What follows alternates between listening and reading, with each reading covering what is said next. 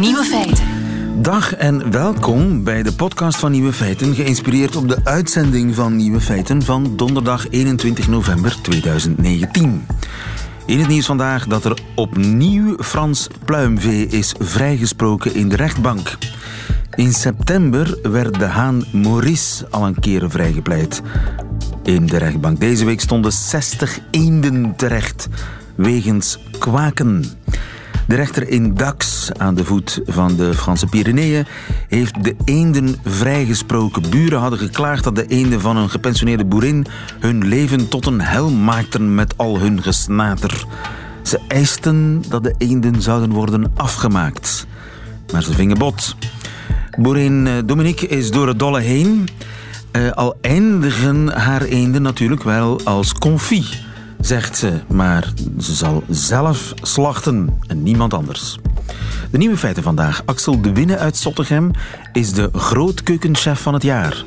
Reddingsacties op de Middellandse Zee zuigen geen migranten of vluchtelingen aan. Lievenscheire schrijft een boek over DNA en de gevaren ervan. En Chinezen lusten geen mayonaise. De nieuwe feiten van Chris van Nabelen hoort u in zijn middagjournaal. Veel plezier. Nieuwe feiten.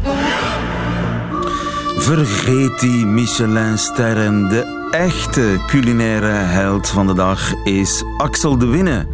Axel de Winne uitgeroepen tot beste grootkeukenchef van België. Goedemiddag, Axel. Goedemiddag. En proficiat, waar kook jij? Dankjewel. Um, ik kook in het woonzorgcentrum Egmond in Zottegem. Een woonzorgcentrum in Zot, het OCMW van Zottegem, daar uh, kook ja, jij voor. dat klopt. Inderdaad, dat klopt. En uh, bij de Michelin-sterren is het zo dat er incognito wordt gegeten en dan krijg je sterren of geen sterren. Hoe, hoe word je beste grootkeukenchef van België? Wel, eigenlijk um, zit je eerst met een leesjury. Dus je zit met een paar quota. Je moet werken als voorgerecht met uh, wijting. Dat was vis van het jaar, dus dat is al een opgelegde quota. Als hoofdgerecht moest je werken met een warme varkensbereiding. Ja. En als dessert moest je werken met sabayon. Nu, dat dus was dat is echt een, een, een, echte wedstrijd. Je moet voor, speciaal voor die wedstrijd iets klaarmaken en je aan bepaalde ja. regels houden. Ja, dus klopt. Eh, daarvan moest je ook nog aan een foodkost van 8 euro voor alle drie de gerechten houden. Wat? 8 ja, euro klopt. voor een drie gangen menu. Dat is ook inderdaad een van de, de struikelblokken. Met en wat moest er allemaal zitten? moeilijkheden Sabayon? Ja, inderdaad. Dus, dus, uh, en, en met die drie stukken heb ik dus gemaakt als voorgerecht een cannelloni van wijting. Dat met een jus van strandkrabbetjes. Strandkrabbetjes is eigenlijk iets dat in mee in de netten geraakt. Maar die krabben hebben geen enkel vlees in zich. Maar je kan er wel een gigantische lekkere bouillon van trekken. Dus ik Ja. vond die twee bij elkaar ook wel met, ook een beetje met no waste zitten. Een uh, goede keuze. Excuseer. En als hoofdgerecht moest het een uh, warme varkensbereiding zijn. Daar had ik eigenlijk een minderwaardig stuk vlees gebruikt. Dus, dus het, het buikspek dat een beetje een klein negatief uh, imago heeft. Dat had ik opgewaardeerd door het een uh, nacht te laten trekken in een marinade. Zo traag te garen. En op de laatste moment heel kort en krachtig te bakken. Dat je nog een, een mooi crispy velletje krijgt. En dat het, het vet ook wel nog een, een aangename smaak in de mond Mm. heeft door die marinade. En dan nog een dessert erbij. En het dessert, dat moest ook nog komen, inderdaad. Dus uh, daar was opgelegd dat het sabayon moest zijn. Nu, een sabayon is maar een sabayon. De moeilijkheidsgraad in alle drie die gerechten, daar zit ook nog bij dat uw gerechten vernieuwend moeten zijn. Dus met een klassieker maakt je al veel minder kans voor uh, te winnen, zal ik maar zeggen. Ja. Dus had ik um, twee halve ballen van chocolade aan elkaar doen kleven. Daar twee gaatjes in geboord. Onderaan had ik een uh, rode vruchtencoulis ingespoten en ik had mijn sabayon koud geklopt. Dus een koude sabayon gemaakt, zodat ik die ook mee in die bol kon inspuiten. Daarmee had je ook nog een soort verrassingseffect, dat je met je lepel die bal kon stuk slaan, waardoor alles wat in die bal zat er mooi uitvloeide. Tata, sabayon in de bal. Voilà, inderdaad, nog een extra mooi verrassingseffect en, en ook iets van spektakel, wat ze ook soms verwachten. Ja, en dat allemaal voor 8 euro. Dat allemaal voor 8 euro. Maar heb dat jij je, je, ingrediënten een... gestolen? waar dat ik ze gestolen heb. Ehm, eigenlijk, eigenlijk was dat ehm, dus door een, een nauwe samenwerking met mijn vleesleverancier. Die is in eh, het Gentse gelegen, dat is de Bruiker Q-Food. eh Loker nu, sorry. Ehm, en, en door eigenlijk goed contact onderhouden met leveranciers, kun je soms een beetje samen brainstormen. Ja. En zijn ze met dat idee afgekomen? Ehm, heb ik zelf aan het recept een beetje beginnen sleutel. Ze hadden al een, een, een voorzet gegeven. Ehm, zodoende heb Ja. ik zat een eh, try-outs doen. eh, verschillende keren op alle mogelijke wijzes totdat ik een eh, geschikt gerecht gevonden heb eigenlijk. Het, dat het ook is een een beetje ver- krachttoer. Eh, ik, zou, ik zou echt niet weten hoe ik daar moet aan beginnen. Maar ik kan me toch niet voorstellen dat vandaag bijvoorbeeld in het woonzorgcentrum van eh Zottegem ongeveer hetzelfde op, op het menu staat. Wel, eigenlijk was de gedachtegang daaruit. Ik heb altijd een, de, een goede leerschool gehad van mijn, van mijn huidige chef. Dat alles ook een beetje moet kunnen voor alles en iedereen. Dus wij zitten met kou- en slikproblemen. Dus de menu, als ik het wil, kan ik die zodanig aanpassen zodat de personen die eh, bij ons, ja, eh, onze bewoners zal ik maar zeggen, ook die menu kunnen eten. Dus de sabayon is al vloeibaar. Dat kan je met die coulis gewoon combineren. Dus daar zit je ook al zonder problemen. Het spek is zodanig mals door het traag garen dat je dat eh, fijn kan kutteren. Dat ze het ook kunnen proberen. En de cannelloni, ja, het is pasta. Dat, pasta met ook een, een gemixte wijting die ingespoten wordt. En zodoende kan iedereen Ja, ja. die daar is ook genieten van die menu. Maar de, dus deze drie sterren menu die heb jij gewoon geserveerd in het woonzorgcentrum. Die gaat nog geserveerd, allee, poging tot geserveerd. We moeten nog een gaatje kunnen vinden, want nu met de feestdagen maar het je, je, je, je kan toch niet elke dag iets van die kwaliteit maken? Nee, dat is dus ook eh, het, de moeilijkheidsgraad in, in het grootkeukenwezen zijn. Je zit met eh, beperkte quota van de daglichtprijs en dergelijke. Het moet betaalbaar zijn. Dus, dus een andere dag kunnen we dan eens werken, bijvoorbeeld macaroni, ham en kaas. Dan heb je een beetje van je budget over, dat je het dan nadien in een meer feestelijke menu kan steken. Maar wij geven ook bijvoorbeeld een runstong.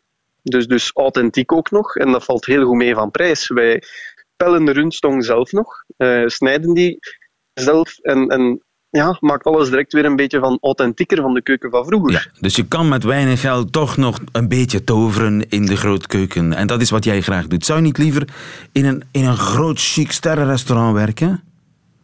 Wel, ik heb eh, mijn studies genoten in Ter Groene Poort in Brugge. Ehm, daar had ik technisch hotel gevolgd. En dan krijg je ja, hele mooie stageplekken. Ik heb een stageplek gehad in eh Château Neercam in Maastricht. Die had twee sterren. Dus, dus de sterrenrestaurants heb ik gezien. Maar ik was dan ook wel eigenlijk gigantische ja, sportfanaat. Ik voetbalde, of ik heb 25 jaar gevoetbald bij dezelfde club. Eh, en ja, dat laat u niet los. Eh, je wilt blijven voetballen, met je vrienden zijn.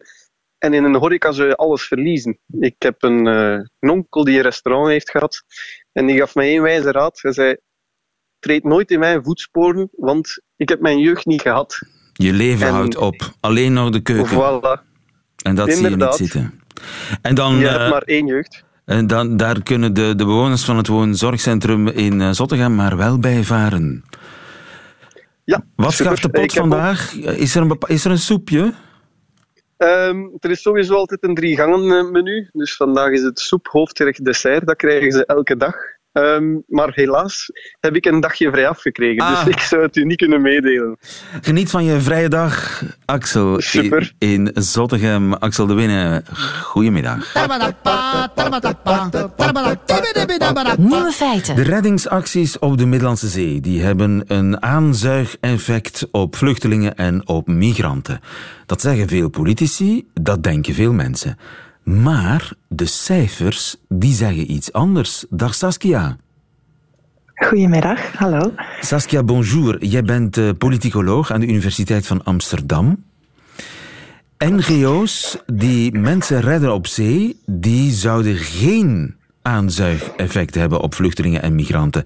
Dat blijkt uit nieuw statistisch onderzoek. Hoe betrouwbaar is dat onderzoek?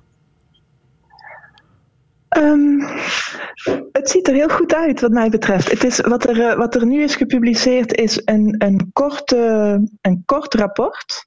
Voor, dat is bedoeld voor beleidsmakers en voor een breder publiek. Dus daar zitten nog niet alle gegevens in die je als wetenschapper graag zou zien in een, in een completere studie. Maar voor zover wat ze nu presenteren, ziet er heel betrouwbaar uit. Ja, en de onderzoekers die legden de cijfers van migranten die de oversteek maken naast de aanwezigheid van NGO's op de Middellandse Zee. En wat bleek, er is eigenlijk geen verband. Precies, ja. Ja, dus ze, ze, hebben gekeken. Het gaat om, eh, misschien goed om even de namen te noemen. Het gaat om Eugenio Cusumano en Matteo Villa. Dat zijn uh, Italiaanse collega's. De een werkt aan de Universiteit Leiden en de ander uh, in Italië. Aan het Instituut voor politieke, Internationale Politieke Studies. En ze hebben data genomen van internationale organisaties over hoeveel mensen er vertrekken vanaf de Libische kust naar Italië. Um, data die hebben ze per dag. En dat hebben ze vergeleken met uh, informatie die ze hebben over wanneer er uh, um, NGO's op zee waren met een reddingsoperatie. Ja. En, en, ze hebben ook nog gekeken van wat er aan andere factoren een rol zouden kunnen spelen in waarom uh, smokkelaars en migranten wel of niet beslissen om, om die oversteek te wagen. Dus ze hebben met name ook gekeken naar weersomstandigheden en naar de politieke omstandigheden in Libië. En dat kun je dan tegen elkaar afzetten met een, uh, met een statistische regressie. En, uit die, en daaruit blijkt dat er geen verband is tussen de aanwezigheid van NGO's en het vertrek van migranten. Dus of die, of die NGO's nou wel of niet op zee zijn, maakt geen enkele, heeft geen enkele invloed, maakt geen enkel verschil voor hoeveel migranten er vertrekken. Dus de mensen staan niet groot... te wachten op een reddingsschip aan de horizon om in hun gammele bootjes te, te vertrekken. Nochtans, dat klinkt logisch dat ze dat wel zouden doen. Ja, dat ze, dat ze denken van ja, we worden toch gered, dus we kunnen maar het risico nemen. Ja, dat is, dat is ook echt uh, Frontex, dus dat is de Europese uh, grensbewakingsorganisatie. Die, die stelt dat ook letterlijk zo, van dat dat een actieve en bewuste strategie is van smokkelaars om juist te vertrekken wanneer er reddingsschepen zijn. Maar uit deze cijfers blijkt dat, uh, dat blijkt geen enkel verband en blijkt wel een heel groot verband tussen weersomstandigheden Um, in de eerste instantie, dus als, het, als, de zee, als het de zee veilig is, dan wordt vertrokken. En ook een uh, heel groot verband tussen politieke omstandigheden in Libië. Um, Hoezo? Vertel. Dus er zijn andere dingen, andere zaken die een veel grotere invloed hebben op het besluit om wel of niet te vertrekken. En daarbij valt uh, de invloed van, uh, van de aanwezigheid van reddingsschepen. Lijkt het in ieder geval uit deze cijfers valt in het niet. Ja, dus um, meer migranten leidt tot meer schepen, maar niet omgekeerd. Niet uh, meer schepen leidt tot meer migranten. Daar komt het eigenlijk op neer. Um, ik weet niet of het eerste waar is wat u net zei. Of meer migranten leidt tot meer reddingsschepen. Want ja, als, als, er geen, als, er geen, als er niemand te redden is, komen er geen reddingsschepen, neem ik ja, aan. Hè? Dat is, die, die logica, ja, die klopt. Ja, hè? zeker. Ja. Maar het, het, het aanzuigeffect is dus fictie. Dat, dat, voor zover je dat uit deze cijfers kunt opmaken, zeker. Ja. En um, dat is in die zin ook wel logisch. Hè? Daar kunnen we ons, kan ik me in ieder geval van alles bij voorstellen dat er andere dingen zijn die een veel grotere rol spelen in de beslissing van migranten om te vertrekken en in de beslissing van smokkelaars om dat mogelijk te maken. Politieke omstandigheden en weersomstandigheden, die doen migranten uh, en asielzoekers uh, vertrekken of niet. Dankjewel, Saskia, bonjour. Goedemiddag. Nieuwe feiten.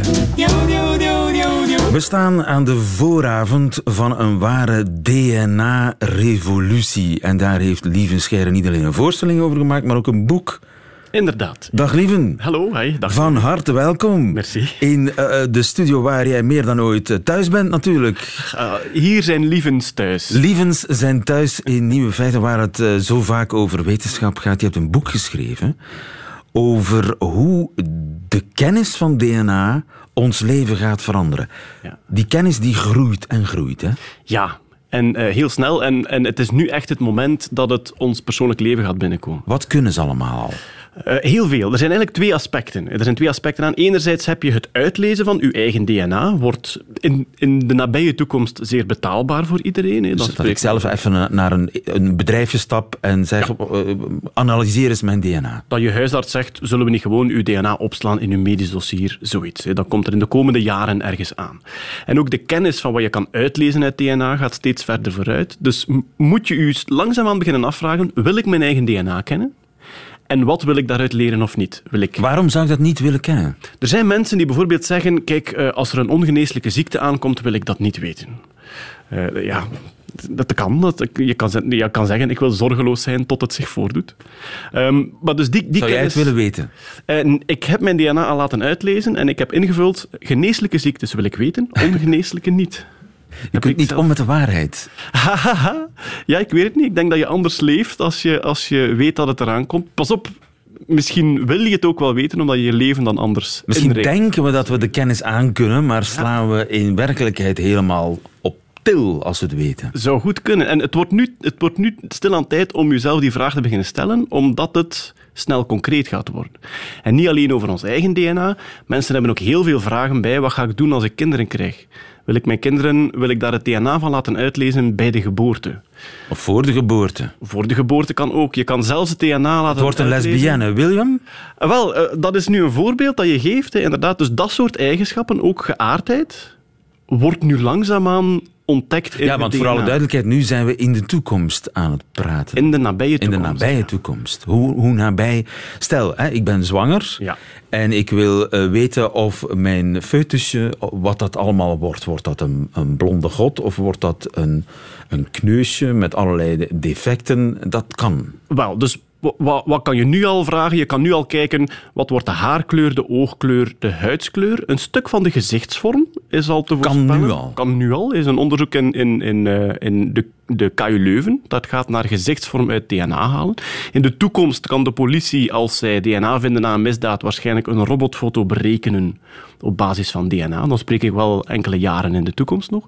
Uh, maar je kan ook al kijken of uw kind... Um, talent heeft om sprinter te worden of om afstandsloper te worden. Of het spruitjes zal lusten. Of het lactose-intolerant wordt. Kan je allemaal weten na twaalf weken zwangerschap, in theorie. En dus dat brengt redelijk wat maatschappelijke vragen met zich mee. Als zijnde, hoe gaan we daarmee omgaan? Ethische ja, dat, dat sowieso. vragen. En dat is, dat is enkel nog maar de kant we kunnen ons eigen DNA laten uitlezen en dat van onze kinderen. En we gaan ons afvragen, wat willen we nu wel en niet weten? Het volgende aspect is gentechnologie. Het feit dat je ook nog eens in de toekomst zal kunnen knippen en plakken in DNA. Zoals de Chinese professor vorig jaar gedaan heeft, He Jiankui, de eerste mens ooit die een IVF-embryo genetisch gemanipuleerd heeft en dan die persoon laten geboren worden heeft. Dus de eerste genetisch gemanipuleerde mens bestaat nu op deze aarde. En dat is van een soort fundamentele ingreep in wie wij zijn als biologische diersoort, wij vatten dat nog niet helemaal. Nee, heb dat ik is God spelen, hè? Ja, dat is jezelf herschrijven, ja, inderdaad. Ja, ja. Want dat is, als ik dan het, het voorbeeld... Ja, ik heb nu domweg uh, het les, lesbisch voorbeeld. Stel, ja. je, je dochtertje dat zich in de baarmoeder vormt, blijkt uit een DNA-test een, een le lesbienne. Ik kan me voorstellen dat in bepaalde kringen men de redenering maakt, kunnen we dat niet herstellen? Maar ja, dat, dat, is, dat is het meest verontrustende beetje aan gentechnologie, dat je denkt van kijk, als je daar op een rustige en ethische manier mee omgaat, kan je daar fantastische dingen mee doen. Ik bedoel, dat is zodanig krachtig. In de geneeskunde kan je daar fantastische dingen mee doen, maar je moet u altijd... Kanker genezen, de... bijvoorbeeld. Ja. Er, er Alzheimer zijn, genezen. Er zijn voorspellingen die zeggen van kijk, binnen dit en laten we zeggen 10, 15 jaar zijn 80% van de huidig niet geneesbare kankers ook oplosbaar. Onder andere via gentechnologie. Ook daardoor dus, ja. ja. Maar als het gaat over kinderen uitlezen nog voor de geboorte, soms zelfs nog voor ze ingeplant worden. Een IVF-embryo kan je genetisch testen voor je het inplant. Je hebt er toch 80. Ja, voilà, ja, ja, 10, enfin, 10 of 12. meestal, meestal zijn er een paar. Gebeurt ook in België constant. Uh, IVF-embryo's worden geselecteerd om zware ziektes te vermijden. Maar niet voor andere eigenschappen. Ja. Sinds vorig jaar, sinds september vorig jaar, kan je wel naar Noord-Cyprus gaan of naar Amerika en kan je daar de oogkleur en het geslacht van je kind bestellen. Ja, maar dat is het. Dus je kunt allerlei strenge regels bedenken Ja. in eigen land. Inderdaad. Maar er zal altijd een Cyprus zijn. Klopt, ja. En als je het hebt over geaardheid, dus voor de duidelijkheid, geaardheid is niet, waarschijnlijk niet 100% genetisch bepaald. Er is wel een genetische factor in.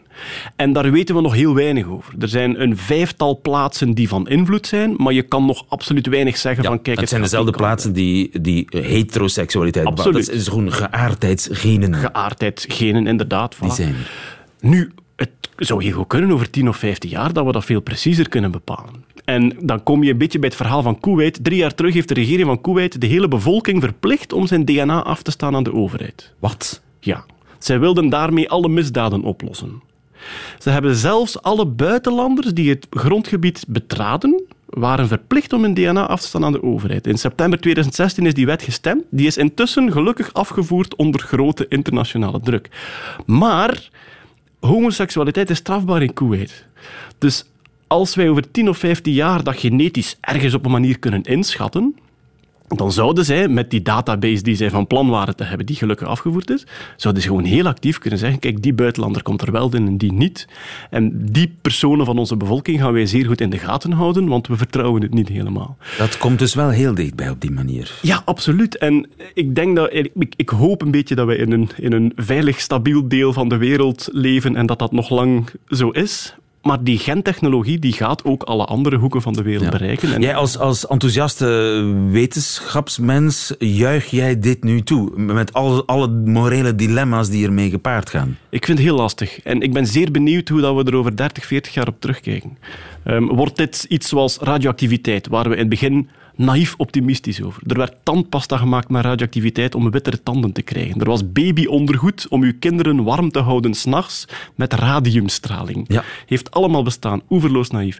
Of is dit een nieuwe stoomtrein, waarvan ze dachten de melk wordt giftig, de koeien gaan doodvallen. Dus zo vaak in de geschiedenis zijn we te optimistisch geweest, zo vaak zijn we te pessimistisch geweest. En ik vind het heel moeilijk in te schatten wat dat we nu zijn. Wat zeker is, is, we hebben iets geweldig krachtig gecreëerd dat over onszelf gaat, helemaal over onszelf.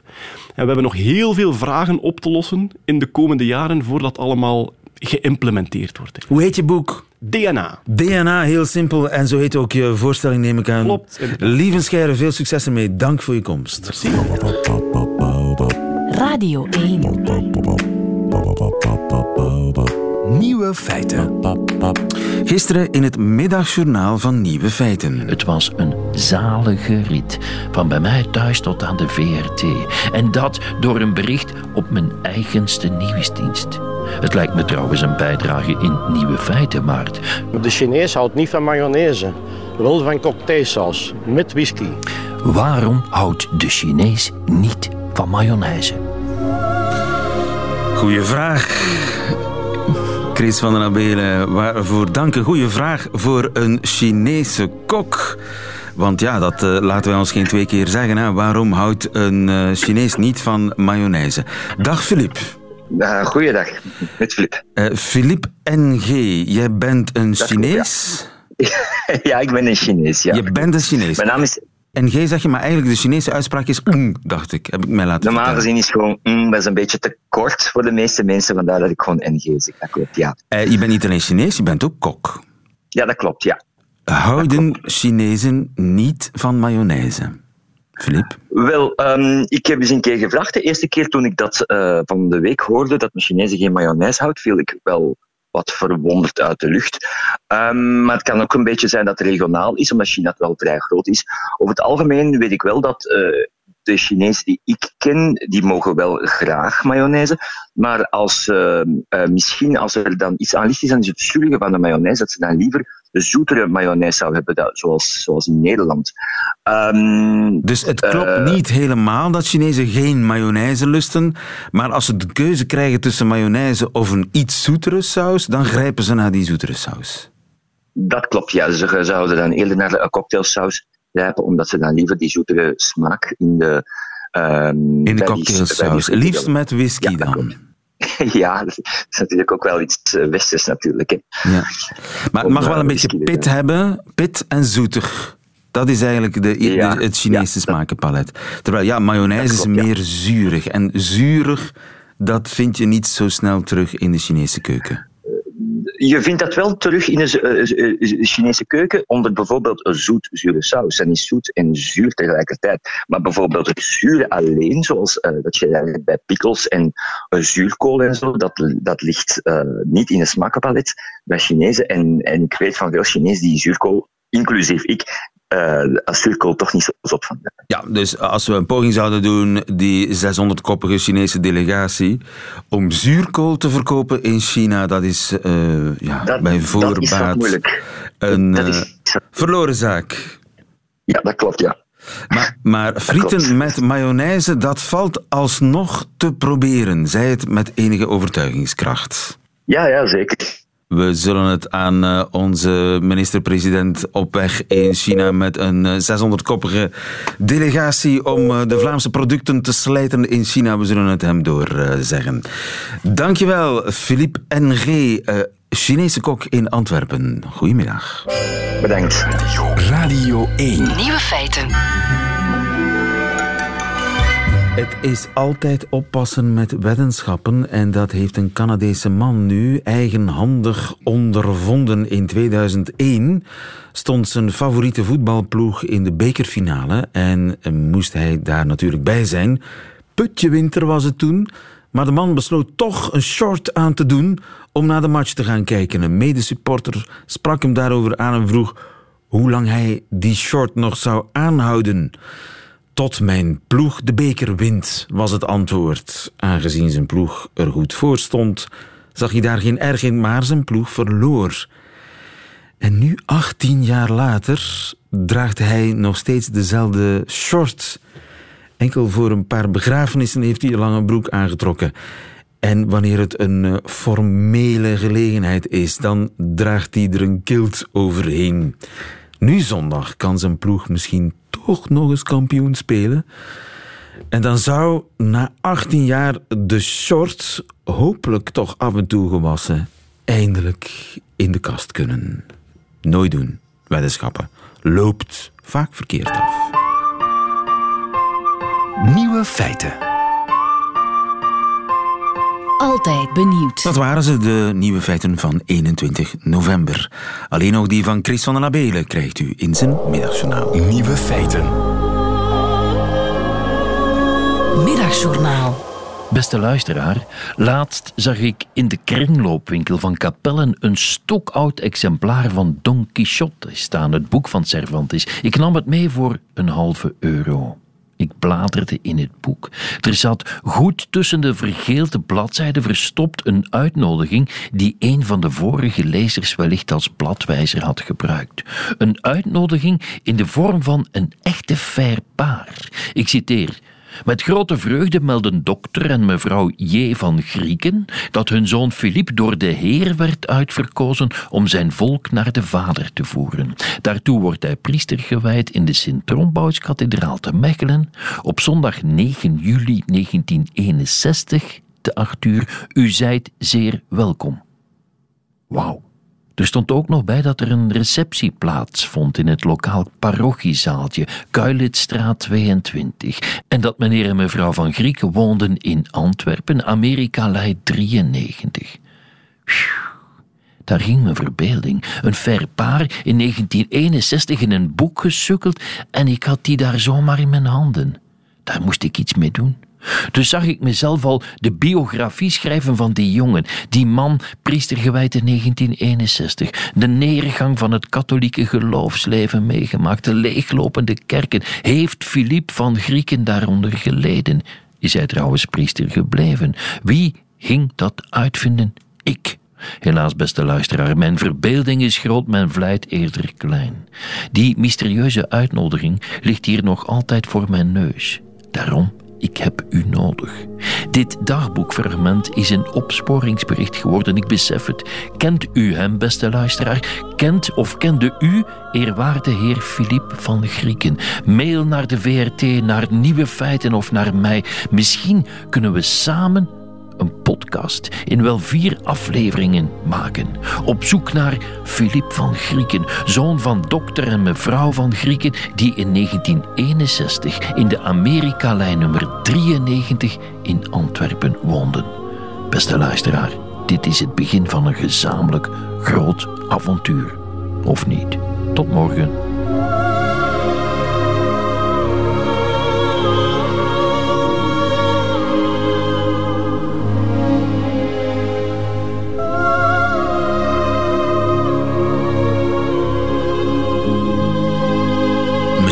Inderdaad het begin van een wonderbaarlijk avontuur. Chris van der Abelen in het Middagjournaal. Meteen het einde van deze podcast. Hoort u liever de volledige uitzending van Nieuwe Feiten met de muziek erbij? Dan kunt u terecht op onze app, de Radio 1-app, of op onze site radio1.be. Daar vindt u overigens nog veel meer fijne podcasts. Tot volgende.